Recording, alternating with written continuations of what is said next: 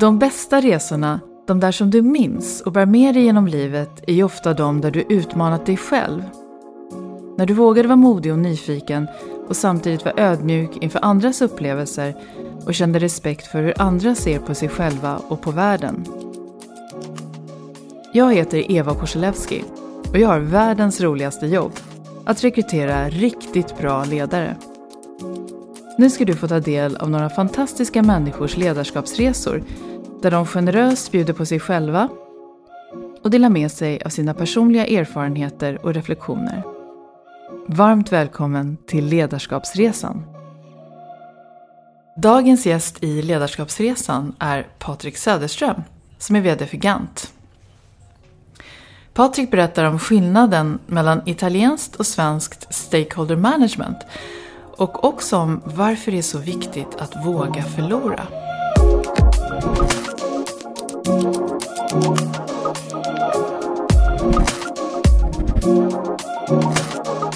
Varmt välkommen Patrik Söderström, VD för Gant.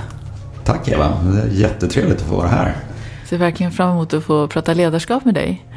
Ehm, du och jag har ju pratat lite grann här innan om bland annat att du har en väldigt internationell bakgrund och erfarenhet. Så det tänker jag att vi ska prata lite särskilt om. Ja, jag vill ju tro det i alla fall.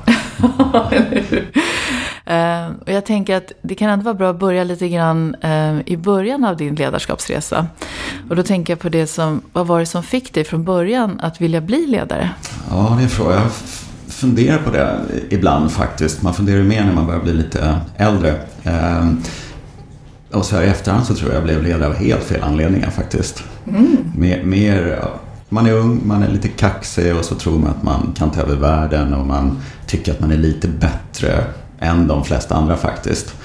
Eh, men jag tror, jag hoppas jag lärde mig rätt fort faktiskt eh, ändå. Men jag, första ledarjobbet var nog egentligen av fel anledning. Jag skulle nog ha tagit det lite lugnare faktiskt.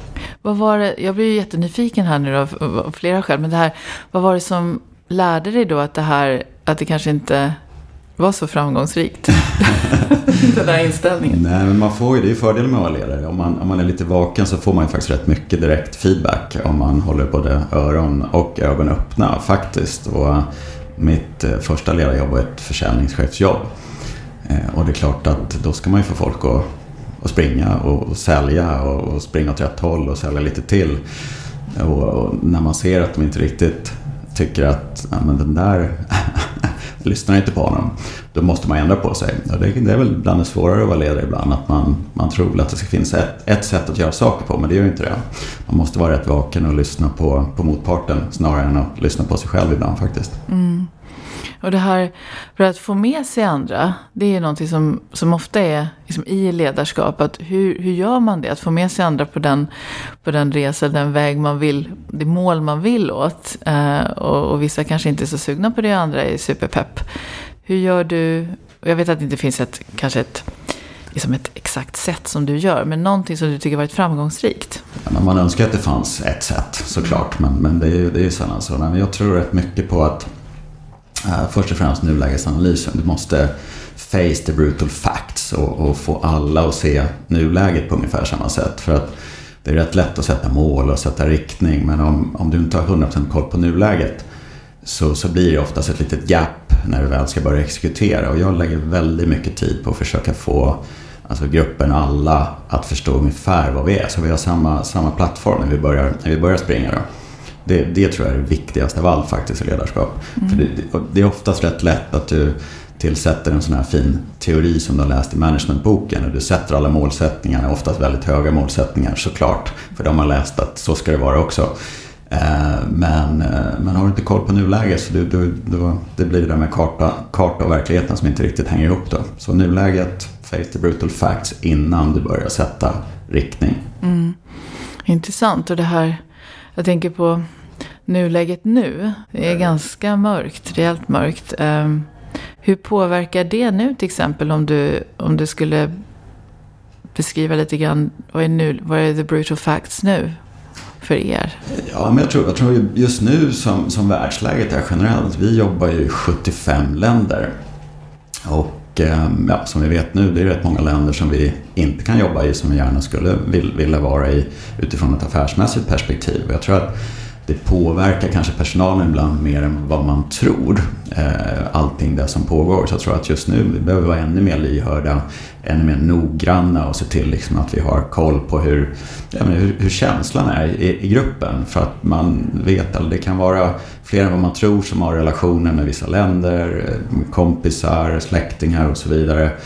Och det vet man ju inte när allting är lugnt och skönt. Eh, men just nu så tror jag att många påverkat mycket mer än vad vi tror. Så det är nog mer viktigt än någonsin att lyssna mer än, än att prata just nu tror jag. Mm. Så det här, du kom in lite grann på vilken, vilken typ av ledarskap som du ser kanske krävs då i ett sånt här läge. Du är inne på det här att lyssna kanske mer. Um, är det någonting annat som du tänker är viktigt när, när folk kanske mår lite dåligt eller oroliga eller även om de kanske inte direkt själva drabbas av? Ja, men jag tror ja, i allt ledarskap, men kanske framförallt just nu, man måste visa väldigt, väldigt stor respekt för att eh, det är inte så enkelt som man vill ibland. Och, och lyssna in men, men, samtidigt också försöka fokusera på det man kan påverka. Eh, för, för trots allt så mm, vi har ett jobb att göra. Vi måste gå vidare. Eh, business fortsätter alltid eh, och det är det som är det roliga med det. Men att, att, samtidigt kunna fokusera på jobbet till att man gör bra saker i det man kan påverka. För det finns så många saker man inte kan påverka. Vi kan inte påverka inflationen eller räntor eller det som pågår i vissa länder. Ehm, måste, man måste ha respekt för de delarna men samtidigt så, så får man hitta, hitta energi i de här grejerna man faktiskt kan göra någonting med. Och det tror jag ändå hjälper ehm, i, i, i längden, speciellt när man har stora grupper. Sen tror jag just nu också att ledarskap i en värld som är väldigt komplicerad. Det måste vara lite mer flexibel. Ehm, när jag, började på GAM för sju åtta år sedan så då trodde vi att världen var på att bli väldigt global. Vi skulle kunna ha ett globalt sätt att göra sakerna på. Vi skulle kunna exekutera på ett globalt sätt. Och det vet vi nu att det, det fungerar inte nu. Det gick ju rätt fort efter covid och med de sakerna som händer just nu. Vi behöver vara lite mer agila, mycket mer flexibla utgå mer från ett lokalt perspektiv snarare än att bara titta eh, utifrån det globala huvudkontoret faktiskt. Mm. Och det här är ju då, när du tänker, eh, för, för nu kommer du in lite grann på det som krävs då nu och då då får ju det mina tankar så till rekrytering. Hur tänker man då? Vad kommer vara viktigt för dig när du rekryterar? Och vad tycker du?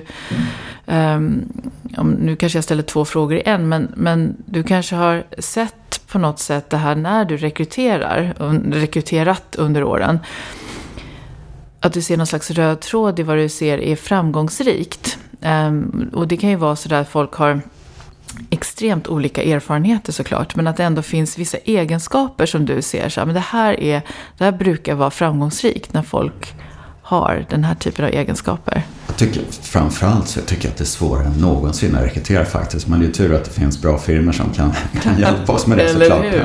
Ja. Eh, det finns så mycket bra, eh, bra individer ute och det finns så otroligt mycket välutbildade människor och med, med mycket erfarenhet. Jag tittar just nu mer på, säga, på, på, inställningen och förmågan att kunna anpassa sig snabbt till en, en förändlig verklighet. Och det, det är väldigt lätt att säga eh, när man pratar med folk. Jo, men det är klart att jag, jag är beredd att vara flexibel och alltihopa. Men jag försöker leta efter mycket bevis liksom, tillbaks i, i, i karriären. Och hur, hur har man hanterat eh, normalt sett brukar man alltid fråga hur du hanterar motgångar. Ehm, men det är mer liksom hur, hur du hanterar förändringar. Hur, hur ser du på när saker och ting måste gå snabbt och kanske gå i en helt annan riktning än, än du hade tänkt från början? För att det är då det blir lite mer utmanande att vara ledare. För först har du skickat iväg hela gänget åt ett håll och sen kanske du måste bromsa och gå åt ett helt annat håll och det kan vara rätt utmanande för, för många. Och, och, den ledarskapsförmågan den har inte alla för att det är många som vill göra det på ett sätt för att man känner sig trygg med, med, med det ledarskapet man har liksom byggt upp inom sig själv. Så, ehm, men det är svårt just nu tycker jag. Jag tycker det är svårt att rekrytera ledare just nu. Men helst så skulle man vilja ha någon som har jobbat i sju, åtta länder eh, på olika i olika positioner, gjort olika saker, olika delar i företaget. Men det, det är en liten utopi också. Man måste ju kunna ta in folk som man också kan eh, låta sig utvecklas i företaget eh, mm. såklart. Så det är en svår balans det där. Mm. Och det finns ju inget svar som du sa. Så det... Mm. Men intressant, för jag tänker på det där som du sa om att ladda om. För det är faktiskt, det har jag träffat en hel del ledare under åren som har sagt just det här att jag till exempel kan man säga det att, att, det är nog dags att byta ny ledare nu. För jag känner att nu har jag gjort det här, jag har gjort en jätteförändringsresa och så nu ska vi ändra riktning igen. Jag tror inte jag orkar ladda om en gång till. Det krävs nog ett nytt ledarskap till exempel. Men vad är det då, um, vad, vad, kan vara, hur, hur skulle, hur orkar du till exempel då ladda om? Om det är så att nu har vi gått åt det här hållet, men nu ska vi, nu ska vi göra någonting annat. Alltså mitt sätt att ladda jag gillar ju förändringar. Mm. Jag gillar ju egentligen ibland, och det kanske låter konstigt, men jag gillar ju när det är lite extra motstånd. Jag tycker det är lite roligare att vinna de här svåra matcherna än, än de enkla matcherna kanske. Um, jag vet inte om det, är, om det är nyttigt i alla lägen att bete sig på det, men jag tycker ändå att det är rätt det är lite intressantare när det blir mer komplicerat att lösa problemen och hitta ny riktning. Så jag får rätt mycket energi i det. Men sen det är klart, sen, man måste respektera också. Men när vi gick igenom covid allihopa, eh, när det bara var day to day business i princip varje dag, för du visste egentligen inte vad som hände imorgon. Så även om man själv kan ladda om så betyder inte det att hela organisationen kan ladda om heller. Eh, och det är det man måste vara rätt vaksam på. Att man måste kanske backa hem ibland och kolla, stämma av om det verkligen är alla med? Är alla på? Har alla den energin som man hoppas och tror att de, de ska ha? Det är, inte, det är inte helt naturligt när man går igenom sådana processer som har gått som covid eller eh, ja, krig som pågår nu. Det, det, är klart att vi måste checka in med folk mycket oftare som, som ledare och kolla om vi verkligen är, har vi energin och sen ha, ha öppna dialoger om det. Ehm, för att det är ingen idé att lura sig själv först och främst, för det, det gynnar ju ingen. Och det är, det är ju ännu sämre om man lurar någon annan. Och jag har den, den dialogen med min chef rätt ofta, inte i, i något djupare, men, liksom, men liksom, vad, vad tror vi på? Känner vi att har vi teamen med oss? Är alla, är alla där? Hur påverkas de av Ukraina? Eller hur påverkas de av det som pågår nere i Israel och Palestina? Och man, man, måste nog, man behöver inte lägga jättemycket tid på det, men man måste komma ihåg att vara lite vaksam bara tror jag. Mm, precis, för där, där är också någonting som jag tycker att jag, jag hör en del när vi ska komma in och rekrytera till exempel en ny vd så kan vissa säga sådär att medarbetare, vi gör alltid en analys analyssamtal man säger, i organisationen så säger medarbetare så att ja, vi, vi är så förändringströtta. Vi orkar inte en till omorganisation. Och Liksom vi, vi vill ha in någon som bara kan, kan vänta lite grann med det. Och det är sällan det som styrelsen vill. Styrelsen vill ju ofta sällan. att det ska ske en förändring. Och, så vi kan inte utlova att det här kommer vara lugnt och, och, och tyst och, och, ni kommer få landa i det ni har. Men, men hitta den balansen då. För det, är också, det finns ju också någonting i det här att låta låta någonting bara få ta lite tid.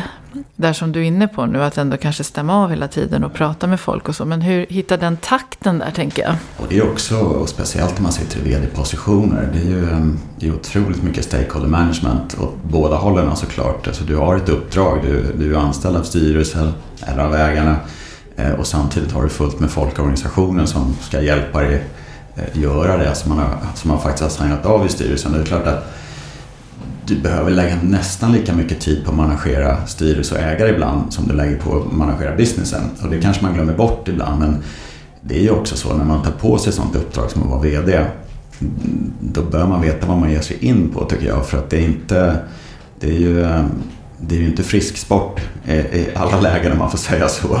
Det är tufft eh, och, och ibland så är du tvungen att ta beslut som kanske delar av organisationen tycker är lite konstiga men har styrelsen tagit beslut att de vill röra på sig då, då, får, man, då får man acceptera det ibland. Ibland så kan man diskutera det, ändra riktning men det här med förändringar det, det tror jag också vi, vi, måste bara lära oss vi måste lära oss mer och mer bättre och bättre och bara leva med det. Eh, och förändringar är rätt roliga om man bara kastar sig in i det. Ehm, och ibland så tror jag många organisationer tycker nog att det händer lite för mycket, det händer lite för ofta. Men samtidigt så är det ju väldigt, väldigt roligt när det händer saker, tycker jag. Mm. För då tänker jag också på, vad skulle du ge för råd till någon som står och tänker nu kanske att, ja men ska jag in i en ledarroll eller vill jag bli VD eller ska jag ja. kanske inte? Vad, vad, vad ska man tänka då? Ja, de ska ju verkligen tänka efter först om man är beredd att Eh, mm, eh, offra det som krävs. För det, det krävs rätt mycket. Eh, det är inget åtta timmars jobb, eh, även om man skulle vilja det ibland. Det är oftast dygnet runt, även om man inte är på, på kontoret eller på jobbet dygnet runt. Så i alla fall min hjärna eh, är egentligen igång konsekvent så länge jag är vaken. Och det är ju inte... Det passar inte alla. Eh, alla gillar inte det. Och jag tror att göra en ordentlig nulägesanalys på vad är det man ger sig in i? Liksom, vad är företaget eller vad är caset man, man funderar på att ge sig in i? Vem är det man rapporterar till? Eh, har man, kan man ha ett bra spel med ägare eller styrelse om, om det är sådana man rapporterar till? Det, jag tror att det är viktigare än någonsin att inte bara ta jobbet för att ja, men det ser bra ut på visitkortet, nu får jag bli VD för första gången. Det är säkert kul, men jag tror att man ska vara lite noggrannare än så, speciellt just nu. Men framförallt ha väldigt klart för sig vad styrelse eller ägare eller vem som nu sitter över, vad är agendan, vad förväntar man sig? Så att man inte går in i, i ett uppdrag utan att ha hyggligt klart för sig vad det är, vad det är man ska jobba med de kommande åren. Mm. Vi försöker vara väldigt noggranna just när det kommer till att äh, vara väldigt tydliga med förväntningarna när vi anställer folk. Eh, alla företag är ju inte för alla, eh, även om det skulle vara enklare om det var så. Men vissa företag är mer administration, andra är mer entreprenörskap och bygga huset. Och alla passar inte för allting.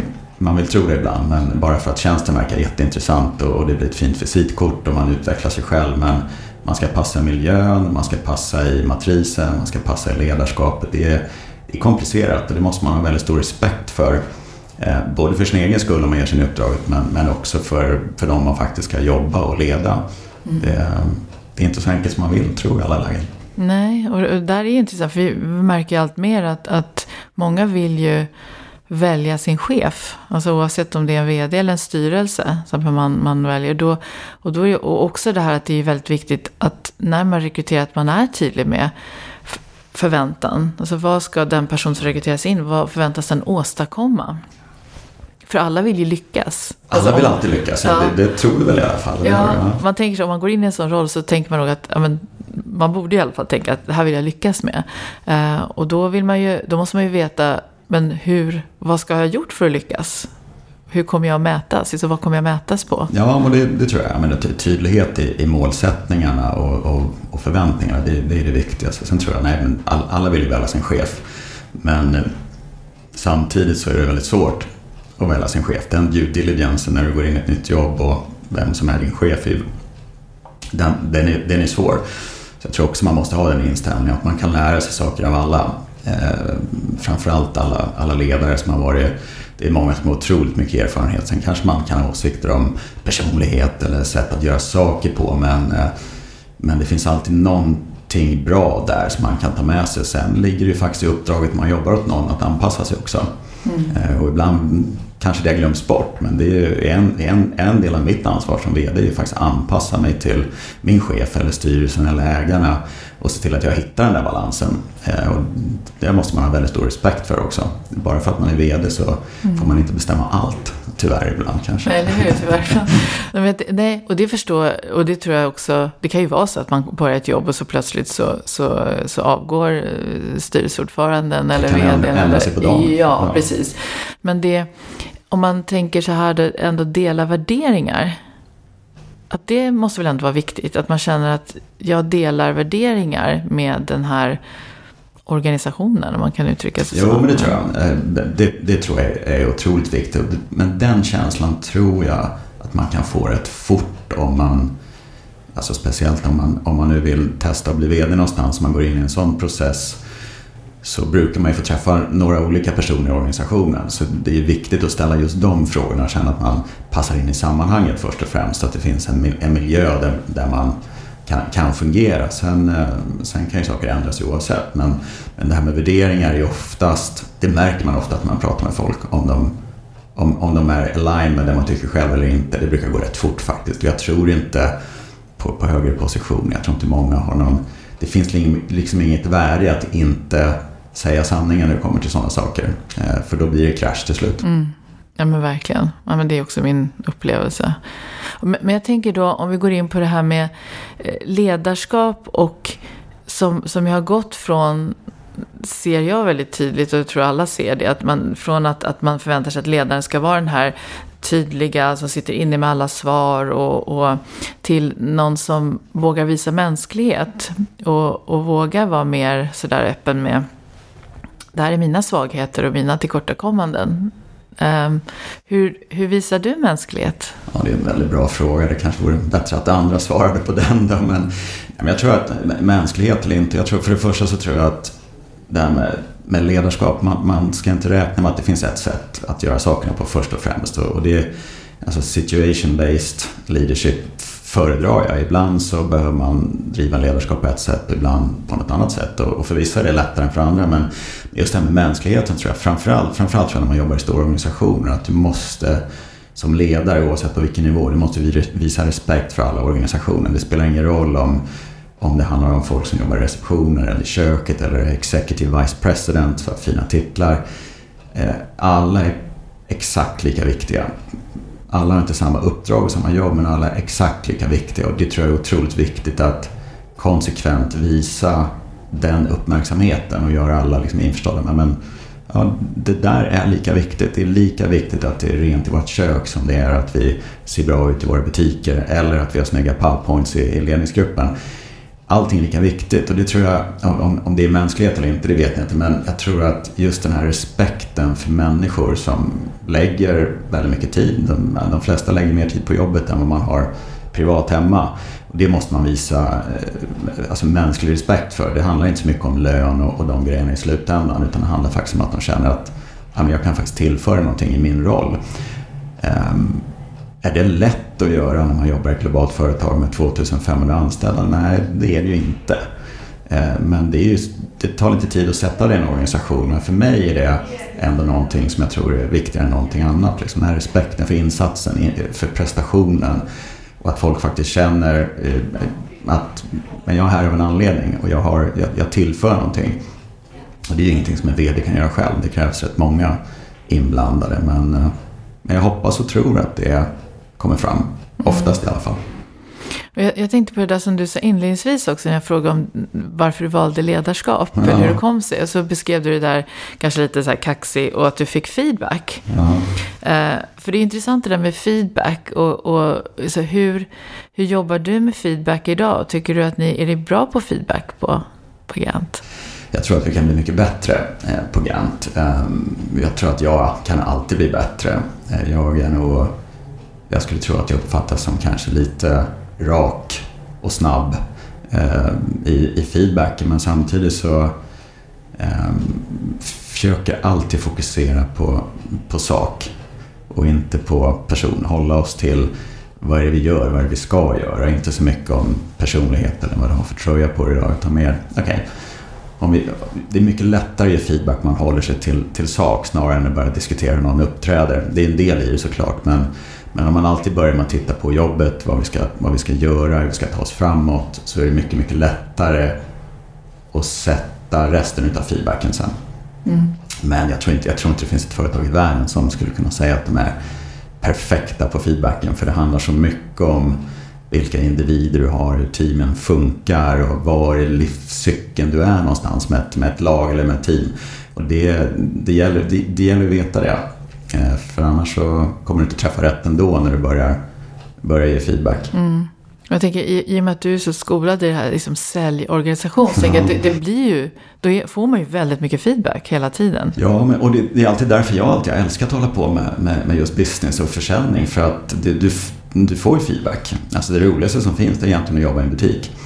Eh, för då träffar du en konsument som kommer att tycka att dina produkter är bra, eller inte bra, om de kommer köpa eller inte köpa. Det är det bästa som finns för att då vet man ju om allting som man har gjort hela vägen fram faktiskt har, menar, att, att hela kedjan sitter. Eh, för i slutändan så handlar det om det, det vi håller på med. Det handlar egentligen om att en konsument ska faktiskt köpa en av våra, våra plagg i en butik eller på e-com. Mm. Och, eh, och det, är den, det, är, det är egentligen den feedback man vill att alla ska känna. När, när det händer, när försäljningen går bra, det är då vi har gjort ett väldigt bra jobb på vägen. Sen kanske man glömmer bort att titta på alla delarna i, som, som har tagits fram. Eh, det tar, det tar oss 18 månader från idé till produkt till leverans i butik. Så man glömmer ju gärna bort det här och, och njuta av att det vi gjorde för 18 månader sedan, det funkar faktiskt rätt bra. Vi gjorde faktiskt rätt. Och även om du inte är den som har tagit fram produkten eller står i butiken, men någonstans i kedjan har ju alla tillfört någonting. Och man, man, man, vill ju gärna, man vill ju gärna att alla ska känna det, eh, men det är inte enkelt. Mm, det här att fira segrar. Ja, det det är rätt lätt att glömma bort. Jag är definitivt inte bäst i klassen när det kommer till sånt. Jag är lite för... Jag är redan, redan på nästa. Mm. Det är nog ganska vanligt tror jag. Tror du det? ja, jag tror det. Men det är, det är ganska kul att fira samtidigt. Det är Oh, ja. många som säger det där. Alltså, vissa, vissa, är ju, är ju faktiskt riktigt bra på det. Och Ja. hela tiden få in det i, i vardagen. Att nu, nu har vi liksom... Nu firar vi delmål, nu har vi lyckats väldigt bra här. Eh, och andra är lite mer fokuserade på, men vad är nästa? Ja, nej, det beror väl på hur man är som, eh, som, som person och in, individer. Jag tror det var, var det Jan Heimer som sa en gång att, jag tror han sa han drevs mycket, menar, när man är rödhårig och inte supervältränad eh, så, så drivs man rätt mycket av, av ångest att man behöver prestera. jag, vet inte, jag kommer inte ihåg om det var exakt vad han sa, men lite så är det väl för vissa av oss kanske. Att eh, den här eh, enorma inställningen att man vill lyckas lite bättre hela tiden. Det, det är ju bra, men ibland är det ju inte bara bra. Han säger väldigt roliga saker, Jan Heimer. Ja, han säger väldigt roliga saker. Kloka, roliga Ja. saker. Ja. Ehm, jag tänker då på det här med vad hade du, vi pratade lite om vad du skulle ge för råd kanske till någon som står och funderar på att och, och bli ledare. Vad önskar du själv kanske att du hade fått för råd på vägen? Nu när du har lite så här backspegel. Ja, alltså i, i början i alla fall av karriären så hade det nog kanske varit bra om någon hade satt mig ner en stol och sagt att lugna ner dig lite nu, ta det lite lugnt. Du behöver inte ha så bråttom, du behöver inte vinna varje, varje dag. Eh, sen kanske det fanns en, en, det är en bra drivkraft i sig då, men eh, man, jag glömde definitivt bort kanske att kolla hur, vad- som händer i omgivningen då. När man springer väldigt fort när man är ung så glömmer man ju oftast bort att hålla koll på omgivningen. Man, blir, man är lite självupptagen i vissa åldrar. Sen senare i livet så tror jag och hoppas att jag har, haft- jag har haft väldigt många bra chefer. Eh, alla har inte varit bäst i klassen men det har alltid funnits någonting och det tror jag man måste lära sig själv. Det är att man kan inte förvänta sig att någon annan alltid kommer med feedback och hjälper en. Man får, man får lära sig hitta de här bitarna och vara proaktiv själv. Eh, och, och gå in i dem. Om man känner att man behöver ha feedback då ska man kanske inte vänta på det. Då får man gå in i det själv. Eller så får man vara väldigt lyhörd och kolla, men vad, vad, gör, vad gör han bra eller vad gör hon bra? Ja, men de där delarna, de, de gillar jag. De där delarna, ja, de gillar jag inte så mycket, men, men strunta i dem då. Och så lägg pusslet med de delarna som du kan köra positiv copy and paste på från alla, alla du träffar. Och det är så det är i livet. Du, du träffar så otroligt mycket bra människor. Eh, du träffar säkert massor med mindre bra människor också, men fokusera på de som är bra. Ta de delarna som du känner att men det här kan jag använda, det här kan jag göra någonting av. Och så lägg, lägg ditt pussel. Ibland så känner jag, eh, jag vet inte om det är en svensk grej, men jag känner ibland att det blir att det är någon annan som ska bygga, bygga min karriär. Det funkar inte riktigt så. Eh, Man kan ju få hjälp, men man får mest hjälp om man är väldigt lyhörd tror jag. Men, men det här är intressant, för jag, jag utlovade lite grann i början att vi skulle prata lite om, för jag är själv väldigt intresserad av det här med hur du ser på skillnaden mellan att ha lett i internationell kontext och sen här i Sverige. Vad du ser för skillnader, lite grann kanske, vad är, skillnaden att vara ledare? Det är ju väldigt stora skillnader. När jag har jobbat, nu måste jag tänka, jag har jobbat i svenska bolag, jag har jobbat i amerikanska bolag, tyskt bolag, italienskt bolag och nu någonting mittemellan. Vi har schweiziska ägare, jag har en fransk chef och vi har vårt huvudkontor i Sverige. Eh, och, och det är väldigt, jag kommer ihåg när jag började på Luxottica, det italienska bolaget som äger Ray-Ban och Oakley och lite annat smått och gott.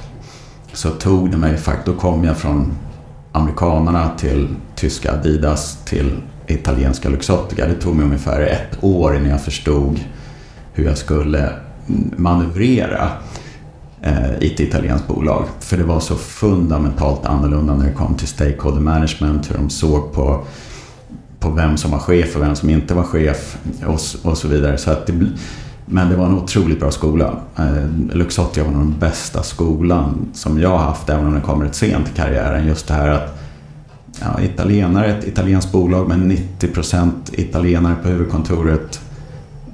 Du kan vara hur svensk du vill, men de kommer faktiskt inte ändra på sig. Så du måste lära dig att anpassa dig. De kommer inte tala om för dig hur du ska göra. Du måste hitta de där vägarna själv. Du måste vara extremt bra på stakeholder management. Och du måste acceptera att det här med svensk konsensus som vi gillar här ibland, det funkar inte eh, överhuvudtaget. Det funkar ännu mindre om man, om man tittar på franskt ledarskap. Det är ju väldigt i rakt nedstigande led, att chefen är chef hela vägen ner. Eh, italienarna är lite, lite mjukare. Men det är så otroligt mycket stakeholder management i ett italienskt bolag. Eh, och antingen så lär dig lösa den knuten eller så kommer du inte ha så kul. Då ska du göra någonting annat. Men, eh, men det är ju... Jag tror att det är det som är svårigheten i bolag, speciellt för oss som på Ganter. Vi är ett, vi är ett globalt kontor i Sverige och vi ska hantera 75 marknader runt jorden.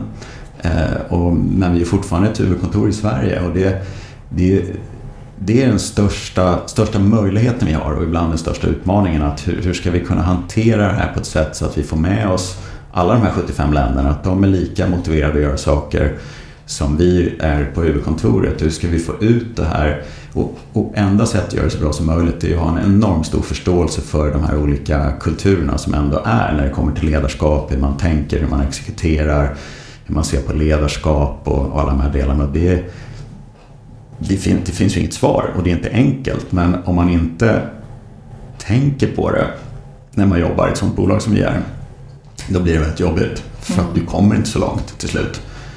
En del nickar och säger ja, men det händer i alla fall ingenting.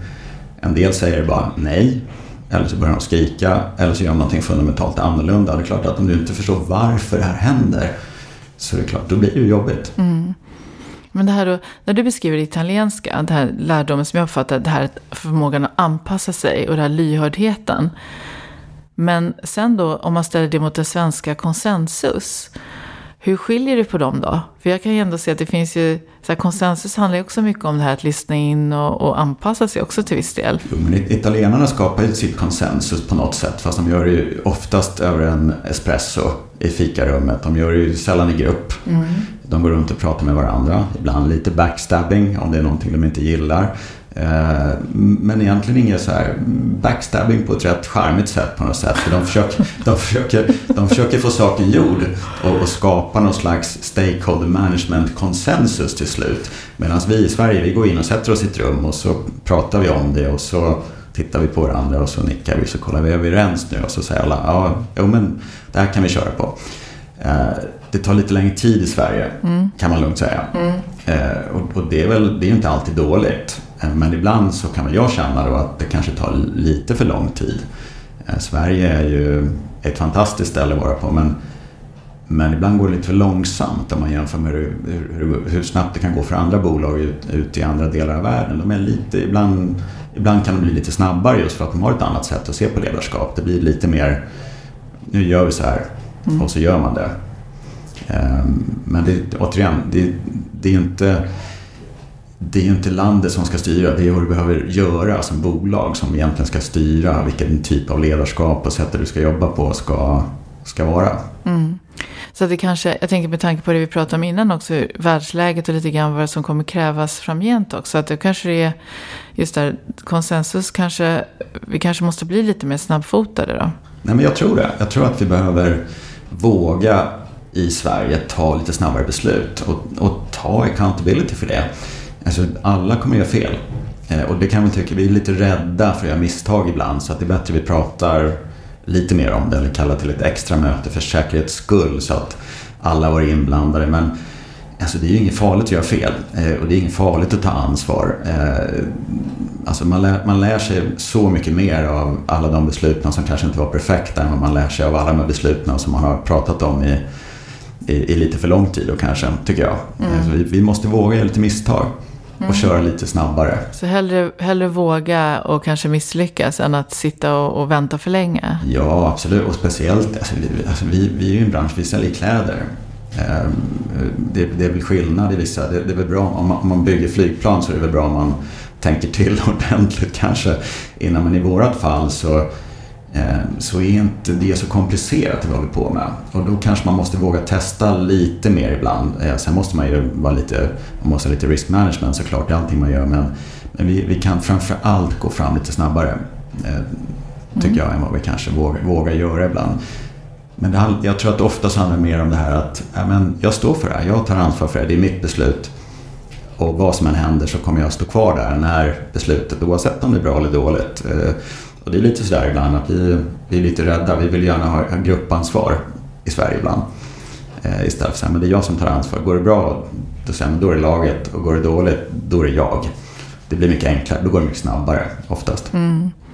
Jag tänker på det när du beskriver det. Jag tänker på mod. Och sen så tänker jag på, vi har ju vår, vår eh, fantastiska Astrid Lindgren som ju alla känner ja. till. Och jag tänker på det här Bröderna Lejonhjärta, Jonathan som säger annars är man bara en liten lort. Mm. Det är lite, det är intressant att det har ju format oss väldigt mycket det här. Men samtidigt har vi lite av det här, det här försiktiga. Att kanske inte för det handlar ju väldigt mycket om att våga, våga stå upp och göra Nej, någonting. Ja, men jag tror det. Jag vet, jag, det. Det kanske var annorlunda. Var det annorlunda förr i tiden? Kanske nu ska jag börja fråga dig saker nu. Nej, men jag vet, det, är väl, alltså, det är väl lite den här... Lite rädslan att förlora eller göra fel som jag kanske har lite svårt för. Nu, nu kommer jag väl säga någonting som jag inte har exakt belägg för. Men, och jag tror att det är så i Sverige nu att man inte får räkna poäng när man spelar fotboll eller matcher upp till en viss ålder. Kanske inte bara i fotboll. Jag tror att det är 13 år. Mm, ja, det är får, något, får, jag, jag, får, känner, jag har tyvärr ja, inga fotbollsspelande, men, men, precis. Men det, det du får mycket, faktakolla det här ja, sen då, jag, jag känner igen det här, jag tror att man får inte vinna. Att det inte ett, nej, det är inte ett lag som vinner, utan båda lagen vinner precis. på något och, sätt. Och, och anledningen till att man inte får vinna verkar mer vara just nu att de, för att ingen ska behöva förlora. Just eh, det. Mm. Den teorin tror jag inte alls på om jag ska vara helt ärlig. Utan återigen, alltså om man inte lär sig förlora då kommer man aldrig bli en särskilt bra vinnare. Eller troligen kommer man aldrig vinna. Och, och någonstans ska vi titta på hur resten av världen ser ut också som kanske tänker lite annorlunda än vad vi gör i Sverige. Så risken är att man skapar lite för stort gap ibland i sättet vi beter oss på. Det det är inget farligt att förlora, det är inget farligt att göra fel. Det är, det är, frågan är bara hur man tar sig an det när det väl händer, hur man hanterar det. Ja, jättebra. Det är väldigt intressant faktiskt hur det har blivit. Uh, och vi, vi, vi, behöver kanske inte faktakolla det, men jag tycker jag känner igen det du beskriver. Ja, vi, får, vi kollar ja, det sen, vi... Björn, för säkerhets skull. vi, kan klippa bort, vi kan klippa bort det här om det inte stämmer. Precis. Uh, men jag tänker då på, vad känner du att, att du är mest stolt över när du tänker på det du har hunnit åstadkomma så långt? Det finns ju mycket kvar att göra, men tänker mm. så långt? Jag är ju dålig på att fira och jag är dålig att tänka på dem. Men det som, det som gör mig mest stolt är eh, när jag ser att andra lyckas. Alltså när insats och prestationen, inte alltid att resultatet är perfekt, men när, när insatsen och prestationen och, och allt det där sitter, att, att alla verkligen försöker eh, bästa. Så alltså då, då känner jag mig rätt stolt. Jag har all, alltid varit stolt. Jag har många gamla kollegor, många folk som har jobbat åt mig under åren. Alltså när de får nya jobb, när de lyckas på andra företag. Alltså det, det tycker jag är bra. Sen vet jag inte om jag har haft någonting med att göra. Jag, jag kan väl hoppas och tro det ibland då, men, men, men då, blir jag liksom, då blir jag glad. Det gillar jag, att se när andra lyckas. Jag har väldigt svårt att fira för min egen del upp på gott och ont. Men det, vi får ta det på min personligheten är som det är. Man, man, kan förändra mycket men inte alltid personligheten, eller hur? Roligt att fira också. Ja, jo, jag, jag firar. Om, man, om, om vi vänder in det på sånt här, som att, vad, vad, tycker du är svårast med ledarskap? Ah, alltså det absolut svåraste, speciellt när, när bolagen börjar bli större, det är ju liksom lyckas se hela organisationen och se att du har eh, clear line of sight som vi säger hos oss. Liksom att du verkligen får den känslan, men alla, alla är med. Alla ser ungefär samma sak, de ser ungefär samma väg mot målen som är uppsatta. Och, Målen är ju enkla att sätta, det är det absolut enklaste av allting. Och, och, vi är ju alltid bra, alla företag är bra på att göra visionsdokument och strategidokument och alla de här grejerna. Men, men det är den enkla delen. Men att verkligen få den där känslan av att du har en hel organisation, att du har ett team som, känner, som man, man, känner när man, när man, när man träffar dem, när man tittar, tittar dem i ögonen och känner att fan, de är med. De, vi, vi är på väg åt samma håll och det, liksom, maskineriet börjar, börjar rulla på ett sätt som, som det kanske inte har gjort tidigare. Det är, men det är otroligt svårt, när du har stora bolag, det är, det är otroligt svårt liksom att, att ha, få den känslan att gå så djupt i det där som man skulle vilja göra. Ehm, men det är, väl, det är väl en del av det där att man, man, man vill ju känna det, det är det man letar efter hela tiden. Det tror jag är nyttigt i ledarskap, för om du slutar tänka på det så tror jag inte att du är en jättebra ledare längre. Även om du inte kan ha koll på vad 2500 personer känner och gör, att de är på väg åt samma håll. Men den dagen du slutar bry dig om hur, hur teamet liksom ser ut och fungerar, då tror jag att du, då ska man verkligen göra någonting annat. Mm. Ja, bra, för jag skulle fråga dig, så här, vad är nyckeln till det då? Men då har du ju besvarat det här nu, att, att just att, att fortsätta bry sig om det. Ja, men jag tror det. Ja. Bryr dig om människorna, bryr dig om resultaten, men framför allt bryr dig om prestationen. Mm. Alltså verkligen se, känna att är alla med? Tycker de det, tycker de det vi har bestämt är bra? Är, är vi på väg åt rätt håll? Och tar de i ordentligt och, och, och, har samma, liksom, samma känsla eller som Jan Heimer skulle ha sagt och samma ångest för, för resultatet som, som en del andra har. Ja. Ja, kul. Vad, om vi ska prata om någonting, så motsatsen till ångest då. Eh, det som gör dig riktigt, riktigt glad. En sak som jag tycker gör mig otroligt glad, är vi har två barn. Och när man träffar dem tillsammans med deras kompisar. Och när man får chansen, det händer ju inte ofta, man får inte så mycket tid eh, med dem såklart som man skulle vilja när de börjar växa upp. Men när, när man ser ungdomar och sättet de ser på världen och hur kloka de är då tror jag att den här världen kommer faktiskt bli rätt bra. För att det blir, det en, man får en otrolig energi av de här ungdomarna som faktiskt har de, de kanske är obotligt romantiska i vissa fall såklart för att de är unga, men de har en otrolig inställning, de är pålästa, de är så mycket mer faktabaserade än vad vi var, eller jag var det, jag ska inte döma dig redan, men än, än vad jag var när jag var i den åldern, runt 20-25 år. Eh, de kan så otroligt mycket, de har så bra koll och de ser igenom sociala medier, de ser igenom vanliga medier generellt sett. Alltså det, det ger mig otroligt mycket energi och, och glädje att se när, de verkligen, när man får prata med dem. Det händer för sällan såklart, men, men det är väldigt roligt. Mm. Men annars så är en, en bra puderdag i skidbacken, det gör mig rätt glad också faktiskt. Eller om Boston Celtics vinner en match i amerikanska basketligan, det tycker jag också är rätt bra. Ja, Ja, härligt. Det är bra. Då har du lite olika sådana glädjeämnen. Som, men det kändes väldigt betryggande och härligt det här med, med den nya generationen. Ja, jag tror alltså, jag känner att de har, de, nej, de kommer göra stor nytta tror jag. Mm. Jag har också en känsla av det. Vi är lite som en sån här mellan, mellangeneration. Vet inte. Det är lite utrotningshotade kanske. Mm. Ja, det är risk för det. Ehm, men vad, vad, tror du då har format dig mest? Tänker i ditt ledarskap kanske också främst, det här med värderingar ja, som vi pratade om lite innan. Jag tror att eh, man, man kommer aldrig kunna bortse liksom från hur man växte upp tror jag när det kommer till sådana här saker. Och, och, i mitt fall så är det troligen mestadels idrotten Eh, i grund och botten. Det var det enda jag gjorde upp till en viss ålder var egentligen, man gick i skolan såklart, men men det var ju idrotten som var viktig. Man skulle ju bli proffs eller någonting sånt där. Och, och det är inte så många som blir som tur är då. Men, eh, men jag tror att den här inställningen till att gå till träningen, göra ditt bästa, försöka vinna, lära dig förlora. Eh, men, men gå vidare för att det kommer en ny match nästa helg troligen oftast beroende på vilken sport man är i. Då. Men det tror jag har format min inställning väldigt, väldigt mycket. Och även ledarskapet faktiskt. Hur man, nu håller jag på med lagsport. Och, och då, det är kanske en liten annan grej när man håller på med en individuell sport. Men, men i en lagsport så inser man rätt snabbt om man vill vara bra att man måste försöka få andra att se bra ut. För om man bara gör det för sin egen skull så Ja, det finns ju de som har lyckats, utan att nämna några professionella namn i sammanhanget, så finns det de som har lyckats ändå. Men, men, men precis som på jobbet eller i lagsport, alltså det är ju faktiskt där för att se till att alla andra ser bra ut. Och det är man, är man klok så lär man sig det rätt fort och det tror jag har format mig rätt mycket faktiskt. Sen senare i livet så tror jag just det här att jag hoppas att det har varit förmågan att plocka upp och sno de bra bitarna från kollegor eller från ledare eller från kompisar. Att liksom lyssna in och så ta de här delarna som, ja men det här passar mig, det här gillar jag. Och så copy-paste paketera om det lite grann och så försöka göra det lite bättre. Det tror jag har varit en stor del i det faktiskt. Vad, vad är en riktigt bra sån där då, guldkorn? Som du har plockat upp på vägen? Ja, och gjort till din? Det här var en riktigt svår fråga.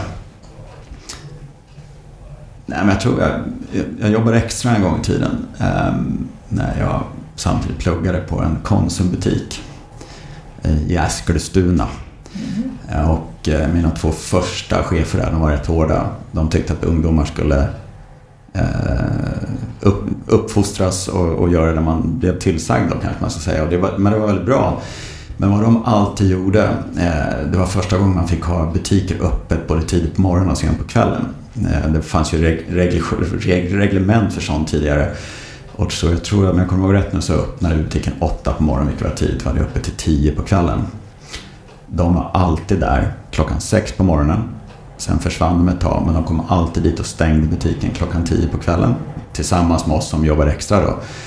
Ehm, och det var inte en gång, tror jag, ens på helgerna i början när vi satte igång den här butiken som de inte var där på morgonen.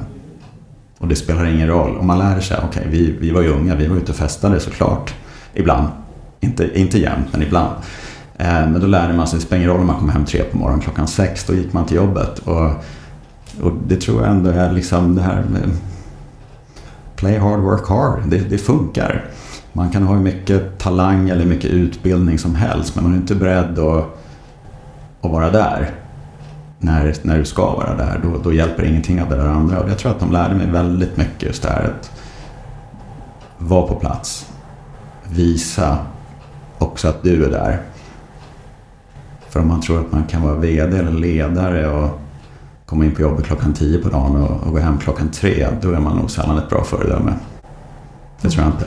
Det är det här. Ja, men liksom. du, måste, du, måste leda, du, måste, du måste leda genom att göra det själv. Mm. Du kan säga så mycket bra saker men det hjälper inte om du inte, om du inte försöker visa det också. Ja, och det finns ju många som säger det. Man pratade om grit för många år, som för ett antal år sedan. Men det är ändå det här att, att göra, du kan vara superintelligent. Men om du inte, om du inte liksom gör, det som säger work hard, play hard. Alltså om du inte gör då, då blir det ju inte, det spelar ingen roll egentligen. Nej, jag tror inte det. Jag, jag tror på grit. Mm. Jag tror många du kommer, som gör det. Du kommer inte ja. långt på talang i slutändan. Um, du måste ta i. Mm. För att det är så många andra som tar i. Precis. Förhoppningsvis fortsatt. Och pratar om olika, hur olika generationer beter sig. Ja.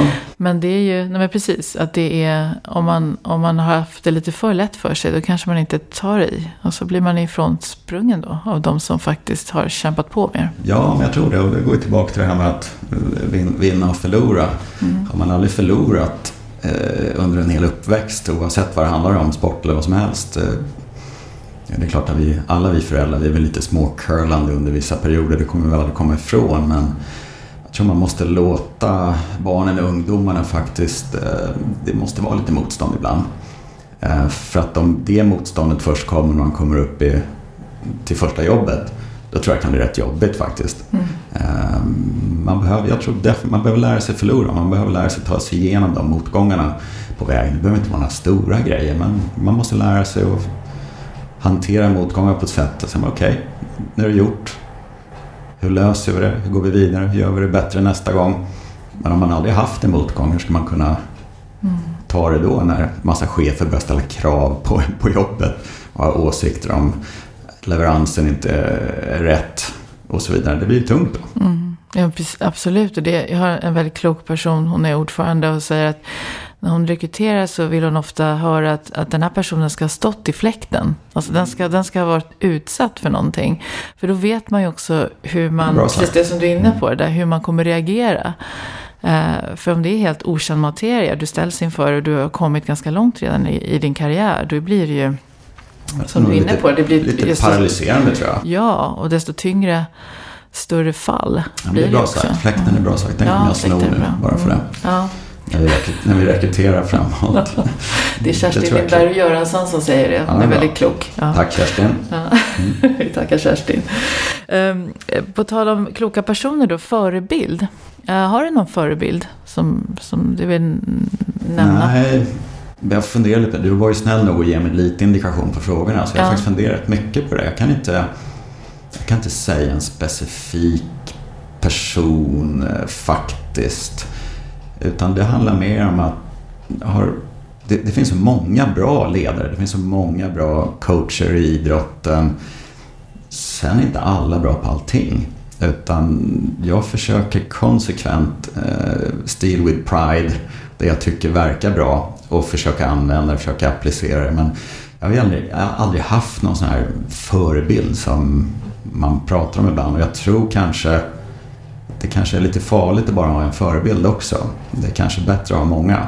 Och jag har rätt, eh, rätt många. Just nu, just nu tittar jag mycket, jag tittar mycket på amerikansk sport. Så, eh, och just Boston Celtics, då, mitt favoritlag i basketen, har en väldigt ung coach. Jag tror han är 34 år och blev inkastad förra året som coach.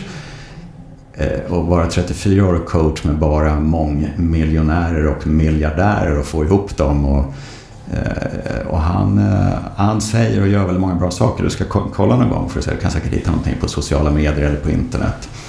Sen har vi en annan kille som är coach i Miami Dolphins, amerikanskt fotbollslag. Han har en väldigt intressant historia. Han, han har bland annat en lapp med sig just nu. Jag tror att det är 865 dagar. 865 står det, det är 865 dagar han var utanför NFL.